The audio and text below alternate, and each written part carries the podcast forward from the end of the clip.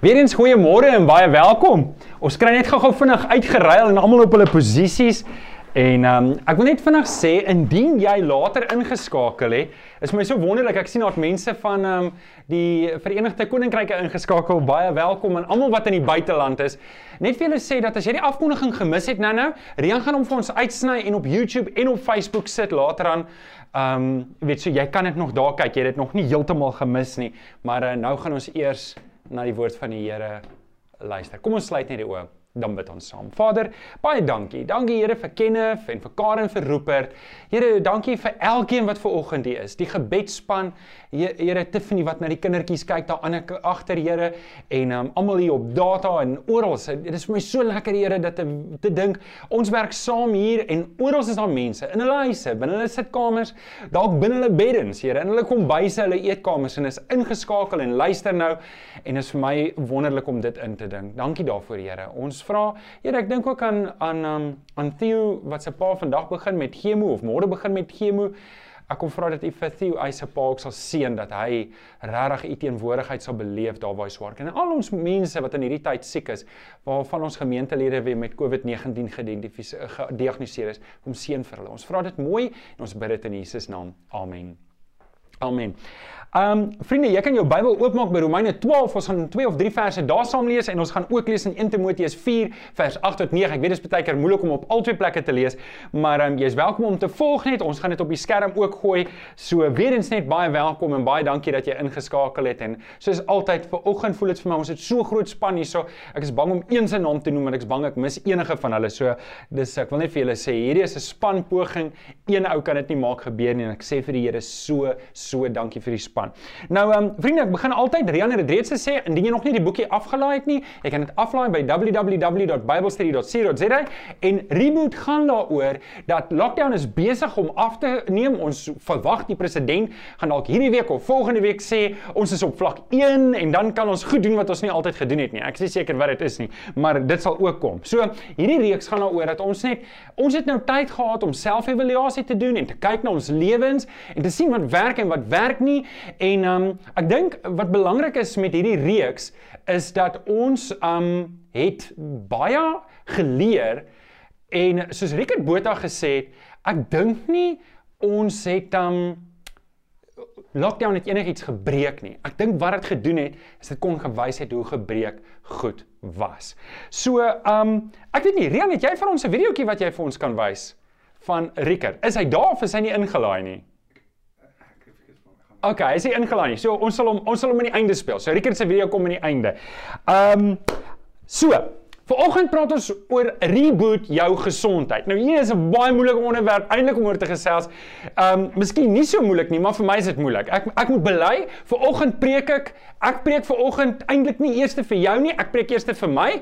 Um en hierdie was 'n baie moeilike boodskap om voor te berei. Want vriende, wat ek probeer doen wanneer ek 'n boodskap voorberei, dit moet eers met my praat. Ek moet eers 'n conviction kry by die Here deur die Heilige Gees en deur die woord om seker te maak ek dra dit oor dat ek nie vir julle iets preek wat ek self self nie doen nie. En vanoggend gaan dit moeilik gaan.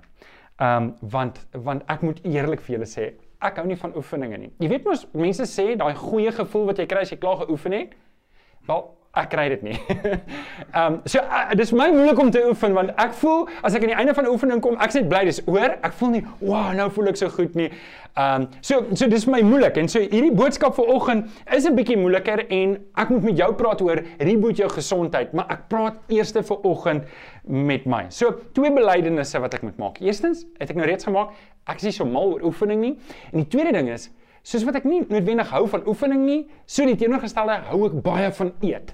Ek hou baie van eet en in in lockdown is dit so, my knope en my knoopsgate mag jy dalk ook beleef het het social distancing begin doen. Hulle het uitmekaar uitgegroei.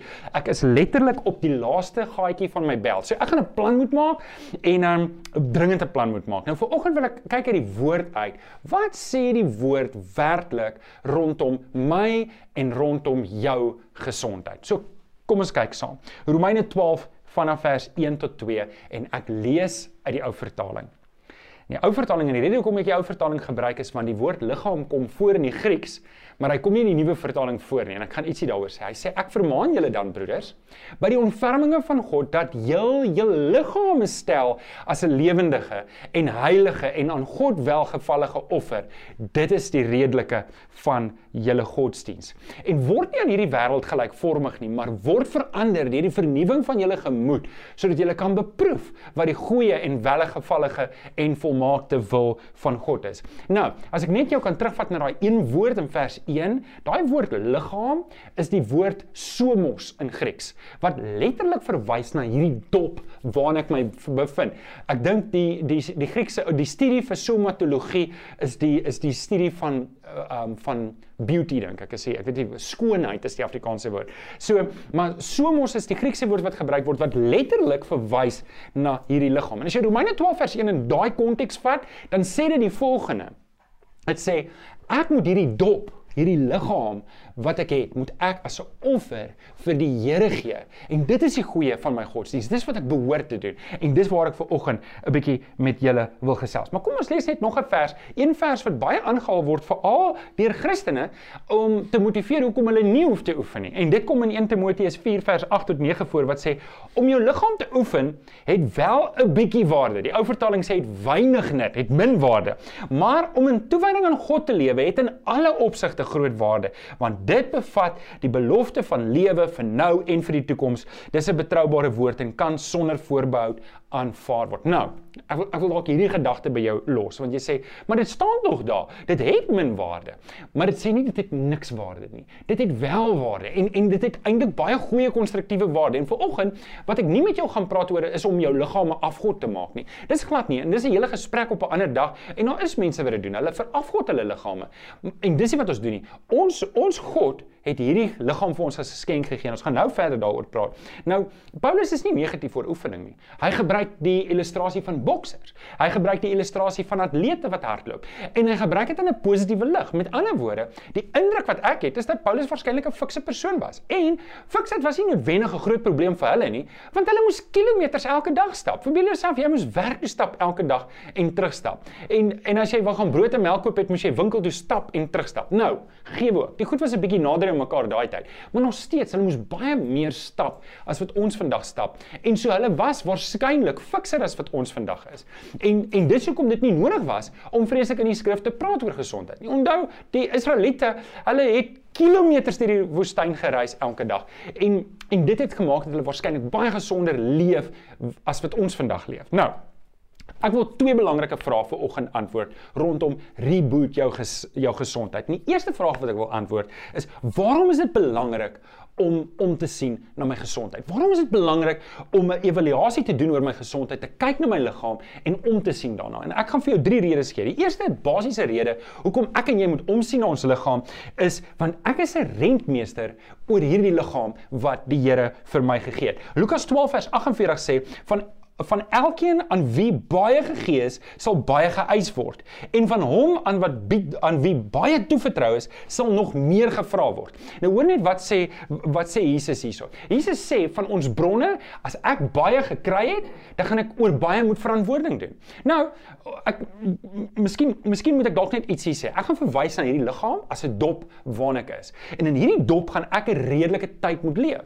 Die Here het vir my hierdie dop gegee. Nou party van ons se doppe is gesond sonder as ander doppe van geboorte af. Jy het niks daaraan gedoen nie. Ek gaan nou praat oor die genetika wat moontlik kon skeefloop, maar ek moet die beste maak met wat ek het. Nou, daar's 'n grappie wat ons gehad het. sien, ek hou daarvan om 'n 4x4 te ry. Um asseblief ek ry nie met die kerk se bakkie 4x4 nie want dit is nie 'n 4x4, dit is net 'n 4x2 en almal wat 4x4s het, weet jy kan nie met 'n 4x2 4x4 doen nie. Dis 'n resep vir baie vassit. Behalwe as jy 4x2 het, want dan dink jy dis 'n 4x4 en jy verbeel jouself jy kan doen wat hulle doen, maar jy kan nie. Vra vir my, ek weet. OK, nou ons het 'n grappie. Wat is die heel beste 4? Ek wil net hê jy moet 'n bietjie dink daaroor. Wat is die heel beste 4x4 op hierdie stadium op die mark? Wil jy raai? Dit is 'n 1400 Toyota Corolla Avis rental. Nou dis 'n grappie wat ons altyd gemaak het um in die 4x4 gemeenskap as jy daar sit om die kampvuur en jy gesels. Dis die heel beste 4x4 wat jy kry.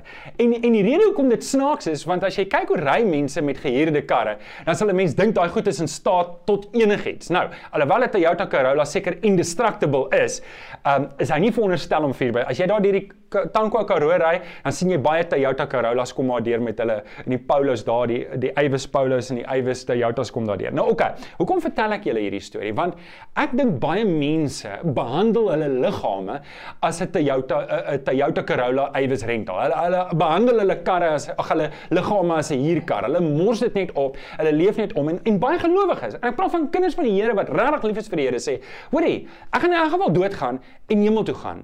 En en daai is 'n roekelose houding. En en hier's hoekom. Want want ek en jy toe die Here Jesus vir die aan die kruis gesterf het vir my en jou, het hy ons gered van alle forme van sondes. Alle forme van sondes.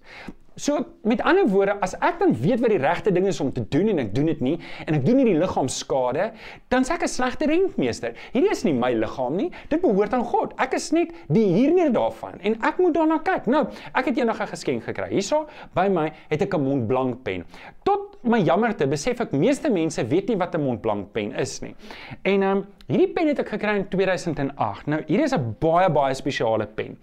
Ek het 'n vriend van my, Wian Chinner getrou en toe ek hom getrou het, toe gee hy vir my 'n geskenk. Hoe hoe, hoe kosbaar is dit? Hy gee vir my 'n geskenk op sy troue 2008. En ek het nie regtig geweet wat sy geskenk hy vir my gee nie.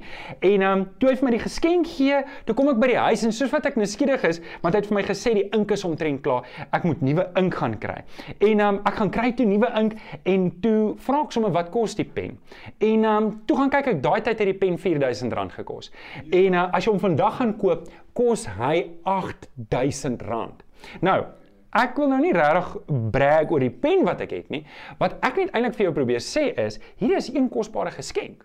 Hy het my en hy het my net dood vir die oë ges, ges uh, sweer ek mag nooit enige ander binne insit as 'n Montblanc um refill nie. So dit doen ek. Wian, as jy kyk, dis 'n Montblanc refill net dat jy weet. Ek sit die oorspronklike sin. Nou, met hierdie pen skryf ek nie notas nie. Ek skryf nie ek skryf nie briefies met hierdie pen nie. Al wat ek met hierdie pen doen is troues. So Rian het waarskynlik met hom geteken. Ek dink Chris kon dalk met hom geteken het en baie van julle wat ingeskakel het het met hierdie Montblanc pen jou uh, huweliksregister ingeteken. Hoekom doen ek dit? Want dit is spesiaal en dit is kosbaar. En net so moet jy besef jou liggaam is 'n kosbare geskenk van die Here en ek moet dit oppas. Ek moet dit nie sommer net mors nie. Ek moenie my parels vir die varke gooi nie. Net so in hierdie konteks moet ek nie my liggaam net opmors en sê ag wat ek gaan in elk geval eendag doodgaan. Dan gaan ek in elk geval by die Here wees en ek kan doen met my liggaam wat ek wat ek wil nie. Dis dit is nie hoe dit werk nie. Jou liggaam is 'n geskenk van die Here en jy moet 'n verantwoording doen oor die geskenk wat jy gekry het. Daai dop is net aan jou geleen. Dit bring ons by die tweede rede hoekom ek mooi moet kyk na my liggaam. En dit is my liggaam is 'n tempel van God. My liggaam is die tempel van God. Nou 1 Korintiërs 6 vers 19 sê dit so mooi. Of besef julle nie dat julle liggaam 'n tempel van die Heilige Gees is nie? En julle en die Heilige Gees wat in julle woon van God ontvang en hoor nou mooi, julle behoort nie aan julle self nie. Nou hier is belangrik. Ek moet dit vir jou sê, jou liggaam behoort nie aan jou nie. Dis God se eiendom.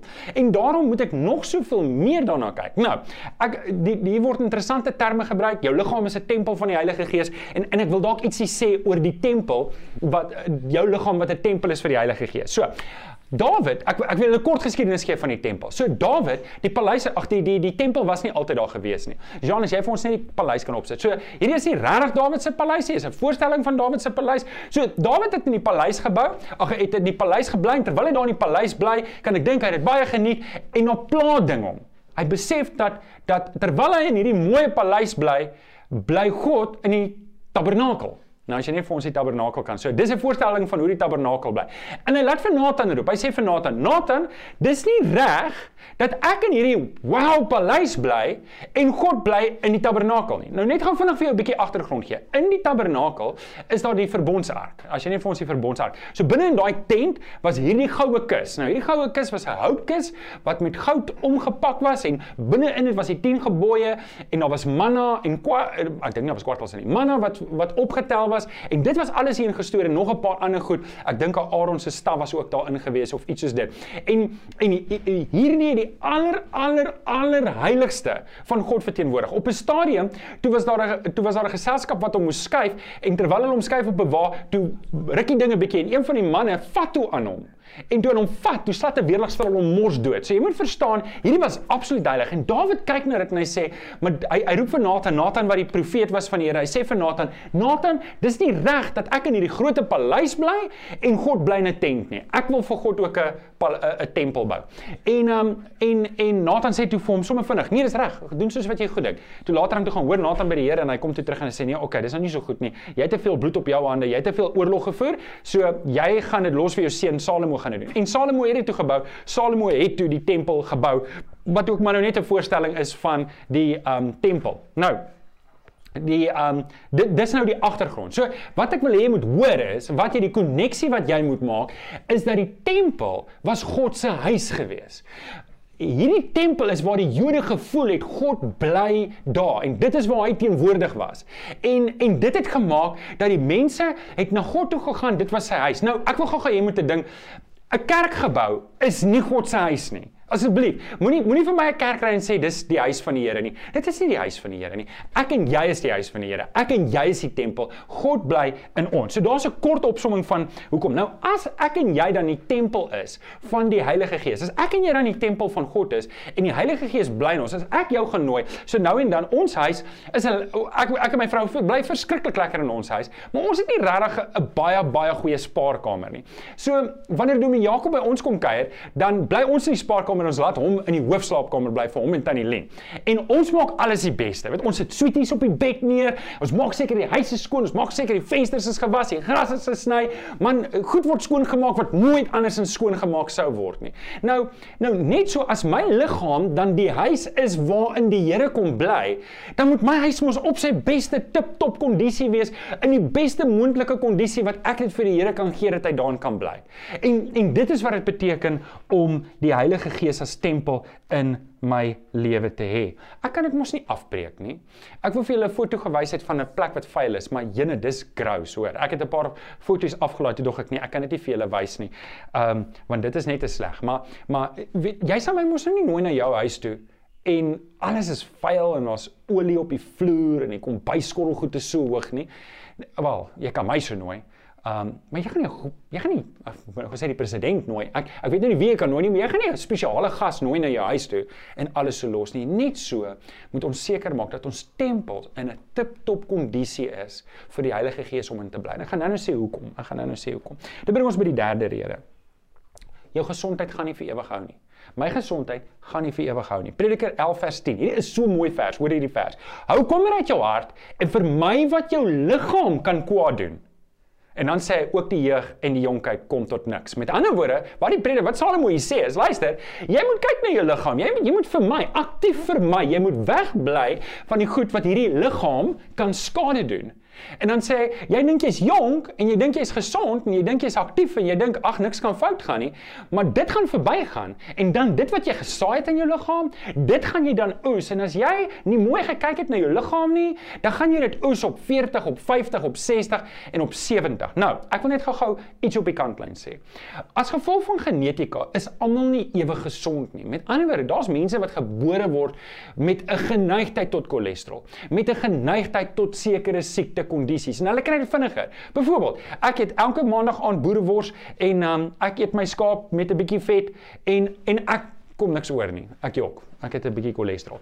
Um maar maar jy kan dit dalk doen. Maar ek moet net kyk vir skaapvet dan skiet my um cholesterol deur die dak. En ander ouens is um is dalk so met suiker. Jy eet koeksisters van Orania, laat dit by jou ore uitloop en jy kom niks daaroor nie. En ander ouens kyk net vir 'n koeksuster en sy suiker gaan na 10 toe. En en jy moet jou eie liggaam ken en wat ek hiervan praat is deel daarvan is dat as jy geneig is tot enige siekte toestand, nog soveel meer vir die Here pleit ek by jou, moet jy kyk na jou liggaam. Hoekom sê ek dit? Psalm 6 vers 6 sê Dawid hierdie dinge. Iemand wat dood is, kan nie die Here se naam bely nie. Ek het lank gedink oor hierdie vers.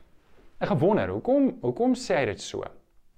Wel, ek dink nie hy het dit so bedoel nie, maar in die Nuwe Testamentiese konteks kan jy dit baie beslis verder sien in ons getuienis.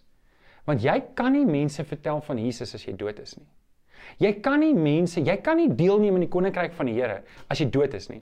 Ja, jy gaan dalk in die hemel wees. Jy gaan dalk by die Here wees, maar jy gaan jy, jy gaan nie mense kan en en ek en jy is hier om nou die evangelie te verkondig. En daarom moet ek seker maak hierdie liggaam is in 'n gesonde kondisie sodat ek mense kan vertel. OK, dit bring ons by vraag nommer 2. Vraag nommer 2. Hoe kan ek beter omsien na hierdie gesondheid? Hoe kan ek beter omsien na my na my liggaam? Ek gaan vir julle 5 belangrike maniere gee hoe ons kan omsien na ons liggame. Nommer 1. Deur om te oefen deur om te oefen. Dis dalk 'n moeilike ene, maar ons moet dit doen. 1 Timoteus 4 vers 8 sê om jou liggaam te oefen het wel 'n bietjie waarde. So dit het wel waarde en ek moet dit doen. En hier is belangrik. Ek moet oefening doen. Ek moet gereeld, weet jy, ek weet nie wat oefening presies behels nie. Onthou, ek is 'n teoloog en ek is lief vir die Here en ek is 'n predikant. Ek is nie 'n dokter nie. So ek kan nie eintlik vreeslike gesondheidsadvies gee buite die raamwerk van die skrif nie. Maar gaan gaan sien 'n dieetkundige, gaan sien iemand en kry vir jou 'n oefenprogram en kom in die gang dat jou hart 'n bietjie vinniger pomp ek ek lag so iemand het gesê iets wat jy meer gebruik word vinniger stikkender. Um maar ek dink die teenoorgestelde is waar van jou hart. Dis uh, die logika maak nie sin nie. Met ander woorde, hoe vinniger my hart klop, hoe langer hou hy. Dit maak nie sin nie. Hy, hy gaan ons breek op 'n plek. maar um ek hoor, ek hoor by die mense wat sê hulle weet van is dat as jou hart gereeld laat vinniger klop, hou hy langer. Ek weet nie hoe dit werk nie, maar dis blykbaar die waarheid. So kom in 'n kom in 'n gereelde oefenprogram wat jy wat jy jou liggaam kan gesond hou. Nommer 2. Deur om 'n gesonde leefstyl te handhaaf. 1 Korintiërs 6 vers 12 sê, jy kan dalk sê Dis in die nuwe lewende vertaling. Ek lees hom met die nuwe lewende vertaling. Ek wys die nuwe vertaling daar by julle. Maar kom ek lees julle vertaling. Daar is mense wat sê alles is my geoorloof. Die nuwe vertaling sê, ja, maar ek kan nou enigiets doen. Ja, maar nie alles is heilsaam nie. Met ander woorde, nie alles is goed vir jou nie. Dan sê hulle sê, maar alles is my geoorloof. Met ander woorde, enigiets is toelaatbaar. Ek is mos nou vry van die wet. Dan sê hy, ja, maar ek gaan my nie deur enigiets laat verslaaf nie. Nou die punt wat hy hier maak is, luister, jy, jy kan ook sê jy het vryheid, jy kan jou skaapchoppies eet en jou koeksusters eet. Ja, maar is dit regtig goed vir jou? En soos soos wat Jakobus sê, as jy weet wat die regte ding is om te doen, jy doen dit nie, dan word daai ding vir jou sonde. As jy aspres goeders doen wat jou liggaam benadeel en beskadig, dan is dit mos nie reg voor die Here nie. En daarom moet ek mooi oplet dan. Nou, julle party mense, party mense leef so ongesond, nê, nee, dat as jy hulle prik met 'n naald, dan bloei hulle McDonald's. Okay, dis net 'n grappietjie. Maar dis tog die waarheid. Ehm um, en daarna moet ons oplet. So die eerste ding wat ek net hier wil sê onder dat ons gesonde leefstyl gewoontes moet kweek is ek moet leer om gesond te eet. Ek moet leer om gesond te eet. Ehm um, ek hoef nie so baie te eet soos wat ek eet nie. My maag stem nie saam met my nie, maar ek hoef nie so baie te eet nie. Uh, ek en Rian gesels nou die dag, hy is besig om 'n boek te lees van Louis Malherbe. Um en ek dink nie die boek se poging is om te praat oor oor die eetadvies nie, maar um hy sê jy moenie eet wat jy wil eet nie, jy moet eet wat jy nodig het. Daar's 'n baie groot verskil tussen die twee blykbaar. Maar ehm um, okay, dit dis die eerste ding. Kyk na jou eetgewoontes. Jy weet, regtig, het jy nodig om so groot bord kos te eet? Ek hoop nie my vrou kyk nie. Maar maar jy het nie regtig nodig om soveel te eet nie. Sny terug onthou net net, daai liggaam van jou moet nog lank hou. Kyk mooi na hom. Die en die volgende ding saam met dit is eh, as jy nodig het om 'n dokter te gaan sien. Luister, as jy oorvering is, moet jy dalk 'n EKG gaan doen. Jy moet dalk gaan check. Jy gaan doen jou suiker, gaan doen jou cholesterol. Gaan een keer of twee keer per jaar gaan praat met jou dokter en hoor hoe gereeld moet jy kyk na jou gesondheid. Want jy dat jy nie met 'n onderliggende ding sit wat verder agteruit gaan en jou meer skade doen nie. Uh, ouens Ek ek wil hê jy moet weet daar's 'n belangrike rede hoekom ek hierdie goed vir jou sê. As ons praat oor reboot. En dit is hoe langer jy fisies gesond kan leef, hoe meer kan jy in die posisie wees om mense te vertel van Jesus. Dink mooi daaroor. Iemand wat baie siek is en luister as jy siek is op hierdie stadium, ek bid saam met jou en ek impliseer nie dat jy dit nie jouself opgepas nie. Ek weet party mense is geneties meer vatbaar vir sekere siektes. Maar ek weet dit mag wees dat jy nou kyk en jy weet jy's op pad na afdraande pad wat baie vinnig agteruit gaan. Dan doen ek 'n beroep op jou hoe gesonder jy is, hoe beter getuienis maak jy uit. Hoe meer kan jy beweeg, hoe meer kan jy doen vir die koninkryk van die Here. Moenie jouself in 'n posisie sit waar jy siek gaan wees nie. OK, nommer 3. Hoe hoe kyk ek mooi na my liggaam? Hoe pas ek my gesondheid op? Hierdie gaan dalk vreemd wees, maar deur om gesond te dink. Spreuke 4 vers 23 sê: "Bewaak jou hart meer as enige iets bewaar moet word, want daaruit is die oorsprong van die lewe." En en en hierdie is 'n belangrike ding want baie keer ons vergeet ek is gees, liggaam en siel. En hierdie drie werk saam. Dis wie ek is. Ek is nie net 'n liggaam nie, maar ek het 'n liggaam ook. Maar ek het ook 'n siel, ek en ek het ook ek het ook emosie. So met ander woorde, hierdie drie werk saam en dis hoekom ek mooi moet kyk na my denke dat ek nie vrot denke het nie of die heeltyd verkeerde denke het nie, want dit trek my af en dit sit druk op my liggaam. Ek dink as jy konstant jou jouself onderwerp aan spanning, as jy konstant jouself onderwerp aan angstigheid, konstant jouself onderwerp aan kwaad word, daai goed speel in jou liggaam. Onthou net nê, as ek as ek gestres leef die hele tyd, dan My liggaam kan nie onder daai las wees die hele tyd nie. En dan lê my liggaam daarop en allerlei siektes kom daaruit. Allerlei uh, mense wat gedurig onder uh, is hoë druk is, deel van dit is hoë bloeddruk. Nou, ek is nie 'n dokter nie. Die dokters kan dit dalk bevestig, maar as ek konstant is onder uh, met hoë bloeddruk lewe, dan doen dit my hart skade. Met ander woorde, ek kan 'n beginsel besluit neem om te sê, ek gaan nie so stres oor alles nie. Ek gaan nie kwaad word oor alles nie. Ek gaan nie angstig lewe nie. Dit gaan klaar jou hart beskerm. Pas jou hart op. Nommer volgende. Deur om gesonde verhoudings te, te handhaaf. Deur om 'n gesonde verhoudings te wees. Romeine 12 vers 18 sê as dit moontlik is sover dit van jou afhang, leef in vrede met alle mense. Leef 'n lewe wat jy mense kan lief hê en mense jou kan lief hê. As ek en jy 'n doelbewuste keuse maak om in stikkende verhoudings te bly leef, nie net sukkelik in my eie lewe nie en nie net kan ek nie die Here se seën in my lewe beleef nie, maar my liggaam ly fisies daaronder. My liggaam ly fisies reaksies daaronder want nou het ek hierdie emosionele ding wat die hele tyd aan my knaag wanneer ek iemand anders raakloop of wanneer ek hom raak sien en die hele tyd ek in my hart hierdie ding en die Here wil dit nie hê nie. Ek kan nie as kind van die Here mag ek nie kies om in 'n stikkende verhouding te bly nie. Dit bring geen eer aan die Here nie. Dit bring ons by die laaste een in die 15 en dit is deur om heeltemal heeltemal op God te vertrou. In Lukas 3 vers 5 staan daar: "Vertrou volkome op die Here en moenie op jou eie insig te staat maak nie." Jy sê Johan, jy nou baie gepraat van gesondheid, maar moet ons nie op die Here vertrou nie? En dit is die ding. Ek en jy moet op die Here vertrou. Nou luister. Jy kan nie by 'n gebou af gaan spring en sê ek vertrou op die Here nie. Dis dom nê? Nee? En net so kan ek nie leef soos wat ek wil en sê ek vertrou op die Here nie. So daar's 'n balans. Ek kan nie roekeloos lewe nie, maar ek kan ook nou nie lewe in vrees in hierdie lewe dat iets met my gaan gebeur nie. So aan die een kant lewe ek nie roekeloos nie en aan die ander kant lewe ek in vertroue teenoor die Here. En en hierdie is 'n belangrike ding dat ek moet verstaan dat maak nie saak wat in hierdie wêreld aangaan nie. Ons het COVID-19 en mense raak siek en ons mense wat afsterf. En dit wie kan wees dat ek dit kry? Dit kan wees dat jy dit kry. Dalk het jy dit klaar gehad. Dalk ken jy iemand, ek bedoel my neefie is oor oorlede daaraan. Hy was 52 en hy is nou maand terug as hy oorlede aan COVID-19. Dit is 'n groot skok vir ons almal. Maar hy's nog 'n jong man. En en en hier is hy en hy's oorlede, hy het afgesterf. Um maar ons kan nie in vrees lewe dat ek gaan iets oorkom in hierdie lewe nie. Die Here roep jou om in vrymoedigheid te leef. En dan as ons dan siek raak en ons het ons beste gegee in die lewe en die Here kom haal ons, dan is dit ook. Okay. Ons lewe eerstens in vertroue in die Here. OK, ek sluit hierso af. Ek sluit hierso af. Ek weet nie hoe oud jy is wat kyk nie, maar dalk dalk as jy dalk het jy nog 20 jaar om te leef. Dalk het jy nog 10 jaar. Ek bedoel ons weet nie. Dalk het jy nog 50 jaar om te leef. Ons weet ook nie wanneer die Here kom nie. Maar hierdie ding weet ek dat as jy nog 10 jaar oor het om te lewe, dan moet daai 10 jaar belê word in die koninkryk. Nou, jy kan dalk môre sterf en hemel toe gaan. Maar dit mag nie wees omdat ek en jy agterloosig was nie. Dit mag nie wees omdat ek en jy nie gekyk het nie. Onthou, elke jaar wat ons spaar in ons gesondheid is nog 'n jaar wat ons vir die koninkryk kan werk. Paulus sê dit. Hy sê luister, Om te lewe is my Christus, om te sterf is 'n wins. Om te sterf om by die Here te wees is 'n wins, maar as ek lewe, gaan ek Christus uitlewe waar ek is. En ek wil jou uitdaag dat jy daai mentaliteit het. Wanneer jy gaan werk aan jou gesondheid, dat jy gaan sê, ek doen dit nie omdat ek my liggaam aanbid nie. Ek doen dit omdat ek die beste, beste, beste tempel wil wees vir die Heilige Gees. En die Here wil my gebruik in hierdie wêreld.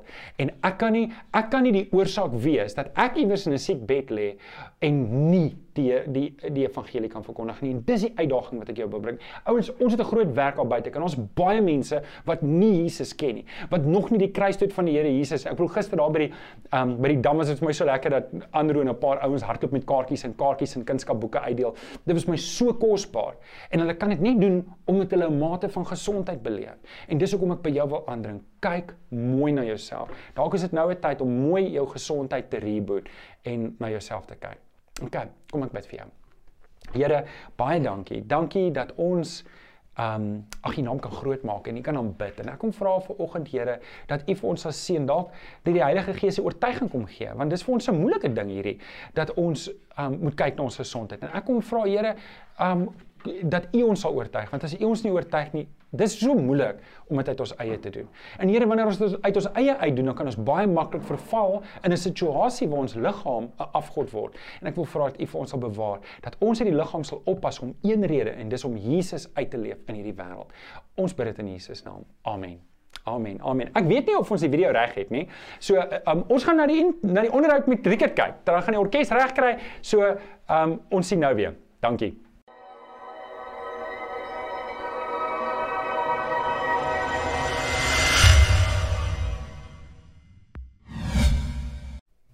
Welkom by Reboot deel 5.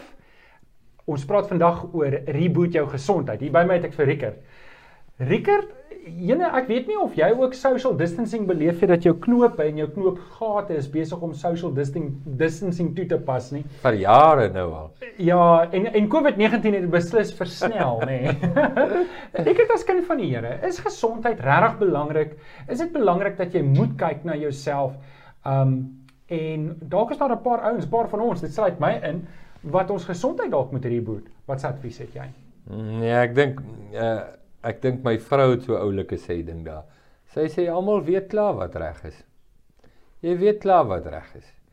Uh ons net nie so in die gewoonte om te doen wat reg is nie. Mm. En om verantwoordelik te wees oor jou eie liggaam en ek net vir jou nou sê ek haat oefeninge.